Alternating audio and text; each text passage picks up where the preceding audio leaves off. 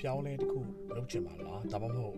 လုံးဝ stick ဖြစ်တဲ့ habit တစ်ခုဖန်တီးချင်ပါလားဒါဆိုလို့ရှိရင်တော့ကျွန်တော်ဒီနေ့မှာ sound ထုတ်ထဲက concept တွေကိုမိတ်ဆက်ပေးပါမယ်ဒီ sound ကတော့ကဘာကျော် sound ဖြစ်ပြီးတော့အခုချိန်ထိဆိုလို့ရှိရင် sound ပေါင်း3တန်းကျော်ရအောင်တဲ့ James Clear ရဲ့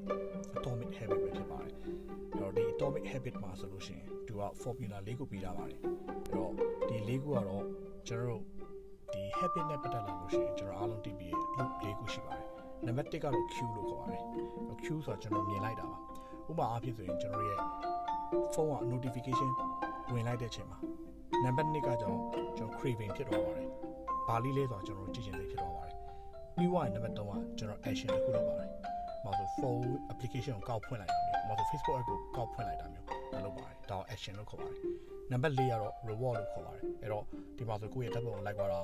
ကျွန်တော်ရဲ့ video like လုပ်သွားတာ react ပေးသွားမှာဖြစ်မယ်။ဒါကြောင့် reward လို့ခေါ်ပါတယ်။ဒါတော့ကျွန်တော်တို့ habit loop လို့ခေါ်ပါတယ်။ဒီ habit loop ပေါ်မှာမူတည်ပြီးတော့မှဘလို့ပုံစံမျိုးတွေအပြောင်းလဲလုပ်ပြီးကျွန်တော်တို့လိုချင်တဲ့ habit တစ်ခုကိုရအောင်လုပ်မလဲဆိုတဲ့အကြောင်းကို author ပြောထားပါတယ်အဲ့တော့အားလုံးမင်္ဂလာပါကျွန်တော်ဖြူပိုင်ပါ company နဲ့ working professional တွေရဲ့ productivity နဲ့ profit ကိုတိုးတောင်ကူညီပေးနေတဲ့ marketing trainer consultant တယောက်ဖြစ်ပါတယ်ဒီနေ့ဒီ podcast မှာတော့ ဒီ atomic habit ထဲမှာရှိတဲ့အချက်လေးခုကိုပြောပြအောင်မှာဖြစ်ပါတယ်ဒီအချက်လေးခုကိုမပြောခင်မှာစိတ်ဝင်စားစရာအရန်ကောင်းတဲ့ concept တွေရှိပါတယ်နံပါတ်1 concept ကတော့တချို့လူတွေတွေ့ပါလိမ့်မယ် weight ချတယ် weight ချပြီးသွားလို့ရှိရင် point တစ်ခုရောက်တဲ့အချိန်မှာပြန်ဝလာတယ်တချို့တွေကြတော့ပြန်မဝလာအောင်ဘာကြောင့်မလို့လဲဆိုရင်သူတို့ရဲ့ outcome based habit နဲ့ identity based habit ဆိုပြီးနှစ်ခုကွာတဲ့အတွက်ကြောင့်မလို့ဖြစ်ပါတယ် outcome based habit ဆိုတာကိုဖြစ်ချင်တဲ့ဟာကိုသူစဉ်းစားလိုက်တယ်ဒီစဉ်းစားတဲ့ဟာကို သူရောက်အောင်သူတွားလုပ်တယ်လုပ်ပြီးသွားတဲ့အချိန်မှာဒါပေမဲ့သူ့ရဲ့ identity မပြောင်းလဲတဲ့အချိန်ကျတော့တစ်ချိန်ရောက်တဲ့အချိန်မှာသူပြန်ဝလာတယ်အဲ့တော့ identity based habit ကကြတော့မဟုတ်ဘူးသူဒီစလုပ်ကြတဲ့ကသူ့ရဲ့ identity ပေါ်မှာမူတည်ပြီးတော့မှအလုပ်လုပ်တဲ့အတွက်ကြောင့်မလို့အပြောင်းလဲတိတ်မရှိဘူး။ဘာနဲ့တူလဲဆိုရင်သူဒီပညာတတ်ချင်တဲ့အတွက်ကြောင့်မလို့ငါစာဖတ်ရမယ်ဆိုတဲ့ဟာမျိုးဖြစ်နေပါတယ်အဲ့တော့ကျွန်တော်တို့ဒီ identity based habit ကကြောင့်ငါစာဖတ်ရတာကိုနှစ်တက်တယ်ဒါကြောင့်မလို့စာဖတ်တယ်ဒီနှစ်ခုကွာပါတယ်အဲ့တော့ဒါကို author တွေပြီးတော့ layer 3ခုခွဲပြထားပါတယ်နံပါတ်1 layer ကကျွန်တော် outcome လို့ခေါ်ပါတယ်ကျွန်တော်ရဲ့ရလက်ပါနံပါတ်2 layer ကတော့ကျွန်တော် process လို့ခေါ်ပါတယ်နံပါတ်3 layer identity လို့ခေါ်ပါတယ်အဲ့တော့ outcome process identity အဲ့တော့ဒီမှာပြောရမယ်ဆိုလို့ရှိရင်ကျွန်တော်တို့လူများစုက goals ကိုပဲအာရုံစိုက်ကြတယ်ဥပမာ outcome ပေါ့ဒီ outcome ဆိုတော့ကျွန်တော်ရလဲပေါ့ဒီရလဲတစ်ခုဖြစ်ဖို့အတွက်ဆိုရင်ကျွန်တော်တို့ရဲ့ process တွေကိုဘယ်လိုပြောင်းမလဲဒီကမှတစ်ဆင့်ကျွန်တော်တို့ရဲ့ identity ကိုဘယ်လိုပြောင်းမလဲဆိုတာရှိပါတယ်အဲ့တော့ဒီလိုပြောင်းတဲ့ချိန်မှာတချို့လူတွေက goal oriented အရန်ဖြစ်တယ် goal oriented ဥပမာဆိုရင်ကျွန်တော်တို့ကအောင်မြင်တဲ့လူရောမအောင်မြင်တဲ့လူရောအတူတူရှိတာတခုကတော့နှစ်ယောက်စလုံးအထားပါတော့ဝိချရဲဆိုတော့နှစ်ယောက်စလုံးပိန်ကျင်တယ်နှစ်ယောက်စလုံးဝိချခြင်းတယ်ရီမန်းချက်ပန်းနိုင်ခြင်းအတူတူပဲဒါကြောင့်မို့ရီမန်းချက်ပန်းနိုင်တဲ့ habit တစ်ခုပြောင်းလဲဖြစ်ချင်တယ်ဆိုရင်ကျွန်တော် system တစ်ခုကိုအာရုံစိုက်ဖို့လိုတယ် system ဆိုတာတက်ခါတက်ခါလုပ်လို့ရတဲ့အရာကိုခေါ်တာဖြစ်ပါတယ်အဲ့တော့ဒီလို system ကိုလုပ်ဖို့အတွက်ဆိုလို့ရှိရင်ကျွန်တော်စဉ်းစားရမယ့်ချက်တွေရှိတယ်ဥပမာအားဖြင့်ဆိုရင်ကစာဖတ်မယ်စာဖတ်မယ်လို့စဉ်းစားအစားကျွန်တော်တို့ကညမအိတ်ခင်မှာစာတမျက်နှာဖတ်မယ်ဒါဒီကျွန်တော်တို့အတွက်ပို့ပြီးတော့မှ habit ကိုအပြောင်းလဲဖြစ်စေပါတယ်ဥပမာဆိုရင်ကျွန်တော်အနေနဲ့လည်းစမ်းစမ်းတက်ခဲ့ပါတယ်ဥပမာဆိုရင်ကျွန်တော် TikTok မှာဆိုရင်ကျွန်တော်အရင်2020 February လစပြီးတရက်ကိုဗီဒီယိုတစ်ခုတင်မယ်ကျွန်တော်ဒီ TikTok ရဲ့ growth rate ကတသိန်းဖြစ်တဲ့အထိဆိုပြီးကျွန်တော်လုပ်ခဲ့ပါတယ်အဲ့တော့လုပ်ခဲ့လို့ပဲတကယ်လည်းဖြစ်သွားပါတယ်နေ့စဉ်တင်သွားအချိန်မှာအပြောင်းလဲတစ်ခုဖြစ်သွားပါတယ်တနည်းအားဖြင့်ပြောမယ်ဆိုရင်ငါဒီနေ့နေ့လည်ပဲရောက်ပြီဆိုကိုကိုကိုပြန်ပြီးငါဗီဒီယိုတစ်ခုလုပ်ပြီးသွားပြီလားမလုပ်ရသေးဘူးဆိုကျွန်တော်လုပ်တယ်အဲ့တော့ဒီပုံစံအတိုင်းပါပဲကျွန်တော်အခု podcast ဆိုလဲလို့ပဲကျွန်တော် gym သွားတဲ့နေ့တိုင်းမှာကျွန်တော် podcast တစ်ခုလုပ်မယ် gym ဆော့ပြီးတိုင်းမှာဒါဒီကျွန်တော်တို့ habit တစ်ခု system တစ်ခုတွေကိုထည့်လိုက်တာဖြစ်ပါတယ်ဥပမာဆိုရင်ကျွန်တော်တို့ရဲ့တိုးတက်မှာဆိုရင် insider note ဆိုတာရှိပါတယ်အဲ့ဒီအတွက်ကိုကျွန်တော်40 day challenge အရင်လုပ်တယ်14ရက်ဆက်တိုက်ကျွန်တော်ဗီဒီယိုမပြတ်မကွက်တရက်ကိုတစ်ခုတင်မယ်ပုံမှန်ဆိုရင်ကျွန်တော်အနေနဲ့ဒီ10နာရီ1နာရီ4နာရီမှာကျွန်တော် coaching call တွေရှိတယ်အဲ့တော့ဒီ coaching ကြားရကျွန်တော်ဖြစ်လို့မဖြစ်ဖြစ်အောင်ကျွန်တော်လုပ်လိုက်တယ်အဲ့တော့ဒီလိုဖြစ်ဖို့အတွက်ဆိုရင် Jane Clears ပြောတဲ့ကျွန်တော် auto ပြောတဲ့ system လို့ပါတယ်အဲ့တော့ဒီ system တော့ပါလဲဆိုရင် ခုနကတော့ပြောသွားတဲ့ queue တွေ craving တွေ response တွေ reward တွေဖြစ်ပါတယ်အဲ့တော့ number 1ကတော့သူကဘာပြောလဲဆိုရင် make obvious ထင်ရှားအောင်လုပ်ပါတယ်ထင်ရှားအောင်လုပ်ပါဆိုတာလူများစုက will power အဓိက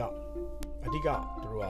မလုပ်ကြတယ်အကူကြတယ် will power ထက်အရေးကြီးတာဒီ Q အရေးကြီးပါတယ်ဒီ Q ကောင်းဖို့အတွက်ဆိုရင်ကျွန်တော်တို့က environment ကို short မတွက်ပါနဲ့ ကျွန်တော်ရဲ့ပတ်ဝန်းကျင်ကို short မတွက်ပါနဲ့ဥပမာအပြင်မနဲ့ထလာပြီဆိုလို့ရှိရင်ကိုယ့်ရဲ့တော့လိုက်ရှာနေရမယ်ဆိုတော့စနစ်တကျ system ထားတာထထချင်းမှာဆိုလို့ရှိရင်ကျွန်တော်ဆောင်းဖောက်တယ်ပြီးတော့ meditation ကျွန်တော်လုပ်တယ်ပြီးတော့လို့ရှိရင်ကျွန်တော်က toilet တွားတယ်ပြီးသွားလို့ရှိရင်မျက်နှာတက်တယ်ဟဲ့လားပြီးသွားလို့ရှိရင်ကျွန်တော်တို့အဲ့တော့ဒီစနစ်တွေအကုန်လုံးကိုတခြားကိုယ့်ရဲ့ environment ကိုတခြား design လုပ်ထားဖို့လိုပါတယ်ဥပမာအဖြစ်ကိုယ်မနှက်ထလာပြီဆိုလို့ရှိရင်ကိုယ့်ရဲ့မျက်နှာတက် power လိုက်ရှာနေရတာမျိုး toilet တန်လိုက်ရှာနေရတာမျိုးဒါမျိုးမဖြစ်အောင်ကျွန်တော် context ကိုတခြား design လုပ်ပါ context ဆိုပတ်ဝန်းကျင်ကိုတခြား design လုပ်ဖို့လိုပါတယ် အဲ့တော့ the context is the cue လို့ခေါ်ပါတယ်ဒီစောင်းမှာတော့အဲ့တော့ဒီ context ကိုတခြားမလုပ်ဘူးဆိုလို့ရှိရင်ကျွန်တော်က number 1အဆင့်မှာနေရှုံးနေမှာဖြစ်ပါတယ်ဒါကြောင့်မို့ context ကိုတခြားလုပ်ပါပြီးတော့လို့ရှိရင်ကိုယ့်ရဲ့ sequence ကိုတခြားလုပ်ပါ sequence ဆိုတာမနေ့ထလာပြီဆိုရင်ကိုလုံးမဲ့ sequence တွေဥပမာဆိုအခုဒီရက်ပိုင်းမှာဆိုကျွန်တော်ကျင့်သုံးနေတဲ့ sequence တွေခုနကတော့ပြောလို့ပဲကျွန်တော်မနေ့ထလာတယ်အဲ့တော့မနေ့ထတဲ့အချိန်မှာထထချင်းမှာကျွန်တော်ဘာလုပ်လဲဆောင်းခောက်တယ်ဆောင်းခောက်တယ်ပြီးတော့လို့ရှိရင်ကျွန်တော် meditation ကျွန်တော်လုပ်တယ်ဒီဒီကျွန်တော်ပုံမှန်လုပ်နေကြ15 minute meditation ကျွန်တော်လုပ်တယ် အဲ့တော့လုပ်ပြရတယ်အဲကျွန်တော်ကျွန်တော် toilet သွားတယ်ပြီးတော့ချင်းမျက်နှာတက်တယ်ပြီးတော့လို့ရှိရင်ကျွန်တော်ဝိတ်ချင်တယ်ချိန်ပြီးသွားလို့ရှိရင်ကျွန်တော်မလုပ်လဲဆိုရင်ကျွန်တော်ကြော်ညာတွေ RAM ဖို့အတွက်ဒီလောက်ထားတဲ့ဒီဒီ analysis တွေပြန်ကြည့်တယ်တနည်းအားဖြင့်ကိုယ်ပတ်စံရှာပေးမဲ့အရာကိုအရင်ဆုံးစလုပ်ရတယ်အဲလုပ်ပြီးသွားလို့ရှိရင်ကျွန်တော်ဒီနေ့မှာဒီဒီ journaling ပေါ့ journaling နဲ့မှာကျွန်တော်ခံစားနေရဘူးမှတ်လိုက်တယ်အဲပြီးသွားရတယ်ကျွန်တော်ဖြစ်လေကားမောင်းပြီးတော့မှကျွန်တော် audio ပဲနားထောင်တယ်ကျင်းလာတယ် အဲ့တော့ကျင်ပြီးွားနဲ့ကျွန်တော် podcast လုပ်တယ်အဲ့တော့ပြီးရင်ပြန်တဲ့လမ်းမှာဆိုကျွန်တော်နားထောင်မယ့်အရာကျွန်တော် season နာရှိတယ်ဥပမာဆိုရင်တရုတ်ရဲ့ရှိမာလာယာ FM ဆိုရဲတွေကကျွန်တော်နားထောင်တယ်ဘာလို့လဲဆိုရင်ကျွန်တော် language တော့ဖြစ်မှာဆိုလို့တော့ပြောမယ်ဆိုဒီ process တွေအကုန်လုံးကသူကနေတူတော်သွားတယ်ဒီလိုမျိုး process ကိုကျွန်တော်တို့ဒီ context ကို design လုပ်ဖို့အရေးကြီးပါတယ်အဲ့တော့ဒါဒီ self control ရဲ့အရေးကြီးဆုံးအပိုင်းဖြစ်ပါတယ်လူတွေက will power အရန်ပြီးတော့မှ အားကိုးကြတယ်ကျွန်တော် will power ထက်အရေးကြီးရတယ်ကျွန်တော်တို့ရဲ့ body နဲ့ကျွန်တော်တို့ရဲ့ brain ရဲ့အလုပ်လုပ်တဲ့ပုံကိုကျွန်တော်တို့မစင်စားဘဲနဲ့အလုပ်လုပ်တဲ့ပုံ short တွက်ကြတယ်ဒါအောင်လည်းတချို့တွေကဒီမတိစိတ်ဆိုပြီးတော့မှပြောကြတယ်အဲ့တော့ဒါလေးကိုတခြား view စတင်ပါတယ်ပြီးတော့လို့ရှိရင်ကျွန်တော်တို့က plan တစ်ခုကိုတခြားလုပ်အောင်မယ်ဥပမာအဖြစ်ဆိုရင်ဘယ်ချိန်မှာဘယ်နေ့မှာဘယ်နေရာမှာလုပ်မလဲတိတိကျကျလုပ်လိမ့်လေကျွန်တော်တို့ပို့ပြီးလုပ်ဖြစ်လိမ့်လိမ့်မယ်ဥပမာအခုကျွန်တော် podcast ဆိုလို့ရှိရင် gym ကနေမထွက်ခင်မှာ ဒီကားပေါ်မှာကျွန်တော်လုပ်နေတယ်အဲ့တော့ဒါဘာလို့ခေါ်လဲဆိုရင်ပြန်ပြီးမှပြောကြည့်ပါတယ် I will ကွက်လက်ကိုလုပ်ချင်တဲ့ behavior ဥပမာဆိုကျွန်တော်အနေနဲ့ podcast လုပ်မယ်ဘယ်ချိန်မှာလဲ at time gym gym လုပ်ပြီးသွားအချိန်မှာဘယ်မှာလဲကျွန်တော် gym မှာပဲလုပ်မယ်ဒါလေးကျွန်တော် first step ပါ second step ကကျတော့ကျွန်တော်တို့ make it attractive attractive ဖြစ်ဖို့လိုပါတယ် attractive ဖြစ်ဖို့အတွက်ဆိုရင်ကျွန်တော်က stimuli နေကျွန်တော်လိုတယ် အဲ့တော့ stimuli နေရှိဖို့အတွက်နော်ဖြစ်ဖို့အတွက်ဆိုလို့ရှိရင်ကျွန်တော်တို့ဘာလုပ်လို့ရလဲကိုကြိုက်တဲ့အလုပ်တစ်ခုရှိရဆိုဒီကြိုက်တဲ့အလုပ်တစ်ခုမလုပ်ခင်မှာကျွန်တော်တို့ရဲ့ habit ကိုလုပ်လိုက်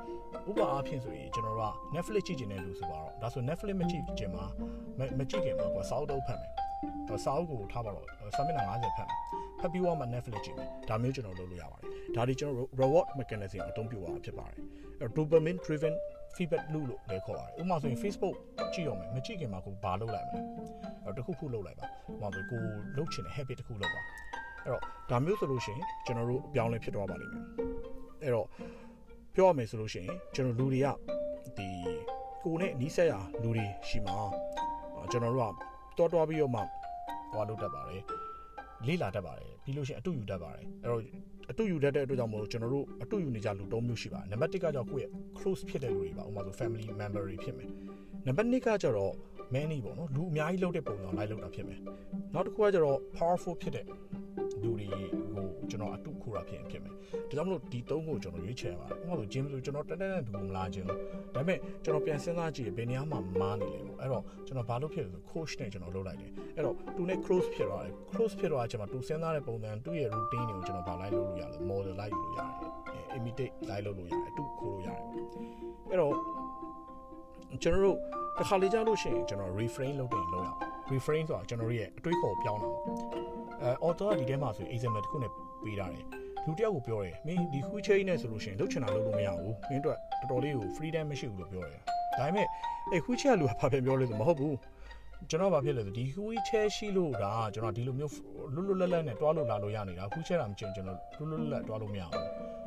ဒါဒီဘာလို့ခေါ်လဲသူ refrain လို့ခေါ်တယ်တချို့အရာဝတ္ထုတွေကကျွန်တော်တို့ကအလုပ်လုပ်တော့မယ်ဆိုလို့ရှိရင်ကျွန်တော်တို့ကမလုပ်ချင်တာမျိုးစေကိုင်းတော့တာမျိုးဖြစ်တတ်တယ်ဒီလိုမဖြစ်အောင်ဆိုလို့ရှိရင်ကျွန်တော် refrain ပြန်လုပ်ရတယ် refrain ကျွန်တော်ဘယ်လိုပြန်လုပ်လဲတော်တော်အရေးကြီးပါတယ်ဒါလည်းနံပါတ်3အချက်ကတော့ကျွန်တော် make it easy ဖြစ်ပါတယ်လွယ်ကူအောင်ကျွန်တော်ဘယ်လိုလုပ်မလဲအဲ့လွယ်ကူအောင်လုပ်ဖို့အတွက်ဆိုရင်ကျွန်တော်တို့ repetition လုပ်ပါတယ်ထက်ခါထက်ခါလုပ်ဖို့လုပ်ပါတယ်အဲ့တော့ ဒီလိုထက်ခါထက်ခါလုပ်ဖို့အတွက်ဆိုရင်ကျွန်တော်တို့ကခုနကပြောခဲ့လို့ကျွန်တော် environment အရေးကြီးပါတယ်ကျွန်တော်ရဲ့ပတ်ဝန်းကျင်အရေးကြီးပါတယ်ပြီးတော့2 minute rule ကလည်းအရေးကြီးပါတယ်အဲ့2 minute rule ဆိုတာဒီအလုပ်တစ်ခုလုပ်ဖို့အတွက်ဆိုရင်ကျွန်တော်တို့ကပထမဆုံးစမယ်ဆိုလို့ရှိရင်2မိနစ်အောက်ကနေရှိတဲ့ဟာမျိုးအရင်လုပ်ပါဥပမာဆိုရင်ကျွန်တော်တို့ဟိုဂျင်မာကစားဖို့အတွက်ကျွန်တော်ကားမောင်းပြီးထွက်လာဖို့ကအရေးကြီးပါတယ် အဲ့တော့ဒါဒီအရေးကြီးဆုံးအချက်ဖြစ်ပါတယ်အဲ့လိုပဲစာဖတ်ဖို့အတွက်ဆိုလို့ရှိရင်နော်စာတအုပ်လုံးဖတ်ဖို့အတွက်ဆိုလို့ရှိရင်ကျွန်တော်မအိတ်ခင်မှာစာတစ်မျက်နှာဖတ်တာကိုတော့ပိုအရေးကြီးပါတယ်ဥပမာဆိုရင်မိနစ်30သာယောဂဆော့ဖို့အတွက်ဆိုလို့ရှိရင်ယောဂဖြာလေးထုတ်လိုက်တာအတူတူအရေးကြီးပါတယ်ဒါကြောင့်မလို့2 minute rule အသုံးပြုပါအဲ့တော့ပြောမယ်ဆိုရင် habit တွေကကျွန်တော်တို့က end point မဟုတ်ဘူးကျွန်တော် entry point လေးဖြစ်ပါတယ်ကျွန်တော်တို့လိုချင်တဲ့ဒီ identity ကိုပြောင်းဖို့အတွက် လုံးဝ point လေးဖြစ်ပါတယ်ဒါကြောင့်မလို့ကျွန်တော် habit တွေပုံမှန်လေးလုပ်သွားဖို့အရေးကြီးပါတယ်အဲ့တော့ပြောမယ်ဆို make it easy ကျွန်တော်တို့ easy ဖြစ်အောင်ကျွန်တော်လုပ်ဖို့လိုပါတယ်ကျွန်တော်တို့ action တွေအရန်ခက်အောင်လုပ်လို့မရပါဘူးအဲ့တော့ full လို့ကတော့ကျွန်တော် make it satisfying ဆိုတဲ့အပိုင်းကိုပြောတော့ပါတယ် reward ပါအဲ့ reward လုပ်တဲ့နေရာမှာနှစ်ပိုင်းရှိပါတယ်တစ်ပိုင်းအကြောင်းကိုချက်ချင်းနဲ့မှ instant gratification ပေါ့နော် immediate result ရကြတာ immediate ပျော်ရွှင်မှုရကြတာတချို့ကြတော့ဒီ delay gratification ပေါ့နော်ရတယ်အချိန်ကြာမှဖြစ်လာလဲရတယ်ဆိုတာမျိုးရှိတယ်နှစ်ခုရှိတယ်အဲ့တော့နှစ်ခုစလုံးကကျွန်တော်တို့အတွက်အရေးကြီးပါတယ်အဲ့တော့ဒီလိုလုပ်တဲ့စားဒီတချို့ habit တွေကကိုက reward လုပ်ချင်တယ်ကိုကအပြောင်းလဲလုပ်ချင်တယ်ထားပါတော့ကိုကမနက်ထတိုင်းကျွန်တော် coffee ဆိုင်တွားတယ် coffee တောက်တယ်အဲ9000လောက်ကျတယ်အဲ့တော့ coffee ဖြတ်ချင်တယ်ဆိုလို့ရှိရင်ကိုက coffee မတောက်တဲ့အချိန်တိုင်းမှာကိုကခုခု9000မှဖြစ်လဲဆိုရင်ကျွန်တော်စုပူတဲ့ထည့်တာမျိုးဒါမှမဟုတ် fan တစ်ခုထားတာမျိုး ဒါမှမဟုတ်ကိုကဆက်လိပ်ဖြတ်တယ်ဆိုတော့ဆက်လိပ်မတောက်တိုင်းမှာဆက်လိပ်တပူးဆောင်ကိုကျွန်တော်ခုခုကိုတခြားလူတွေလူတာမျိုးဖြစ်ဖြစ်မယ်ဒါမှမဟုတ်ကိုယ်စုပူးတဲ့ထည့်တာမျိုးဖြစ်မယ်ဖြစ်မယ်ဒါမျိုး reward လုပ်လို့ရပါတယ်အဲ့တော့ဥပမာဆိုဗီဒီယိုဆိုလို့ရှိရင်လည်းကျွန်တော်တို့ကရိုက်ပြီးဝိုင်းဒီတိုင်းမထားတော့ဘူးကျွန်တော်တို့ကဘာလုပ်လို့ရလဲကျွန်တော် publish လုပ်လို့ရတယ်ဒါမျိုးကျွန်တော်တို့ကိုကို reward လုပ်ပါတယ်အဲ့တော့ဒါကတော့ကျွန်တော် order ပြောရတဲ့ အဆင့်၄သင်ဖြစ်ပါတယ်အဲ့တော့နောက်ဆုံးမှာတော့သူကဘာပြောရလဲကိုယ့်ရဲ့ personality နဲ့ကိုက်ညီတဲ့ဒီနီလန်ကိုရှာပါဆိုတဲ့အပိုင်းလေးကျွန်တော်ပြောရပါတယ် habit နဲ့ deliberate practice နဲ့ပေါင်းတဲ့အချိန်ကျ mastery ဖြစ်ပါတယ်ပြောရမယ်ဆို habit ကျမဖြစ်မနေဖြစ်အောင်လုပ်မယ်ဆိုတဲ့ဒီကြိုးစားအားထုတ်မှုရယ်ဒါကြီးပေါင်းလို့ရှိရင် mastery ဖြစ်ပါတယ်အဲ့တော့ပြန်ပြီးခြုံရမယ်ဆိုရင်ဒီ atomic habit မှာ James Clear ပြောရတဲ့ concept အရင်ကောင်းပါတယ်သူဒီ habit root ပေါ်မှာမူတည်ပြီးတော့မှသူ့အနေနဲ့ strategy လေးကိုပြောပြထားပါတယ်အဲ့တော့ number 1ကတော့ make it obvious make it attractive make it easy and နောက်ဆုံးတစ်ခုကကြတော့ကျွန်တော်တို့ဒီ make it satisfying ဆိုပြီးတော့ပြောတာပြတာပါတယ်ပြီးွားရင် habit တစ်ခုပြောင်းဖို့လို့ဆိုရင်ကျွန်တော်တို့က outcome based ဒီ outcome based ဒီ habit ကိုလုံးမဲ့အစားကျွန်တော်တို့ကနော်ကျွန်တော်တို့အရေးကြီးတာတွေကိုယ့်ရဲ့ identity based habit ကိုအပြောင်းလဲလုပ်ကြည့်ပါအပြောင်းလဲဖြစ်သွားမယ်လို့ကျွန်တော်ယုံကြည်ပါတယ်အဲ့တော့ဒီစောက်လေးမှာကိုယ်အနေနဲ့အတွေးခေါ်တစ်စုံတရာရလိမ့်မယ်လို့ကျွန်တော်မျှော်လင့်ပါတယ်အဲ့တော့အဆုံးထိနားထောင်ပေးရတဲ့အတွက်ကြောင့်မို့လဲကျေးဇူးတင်ပါတယ်အားလုံးမင်္ဂလာရှိတော်နေ့လေးဖြစ်ပါစေ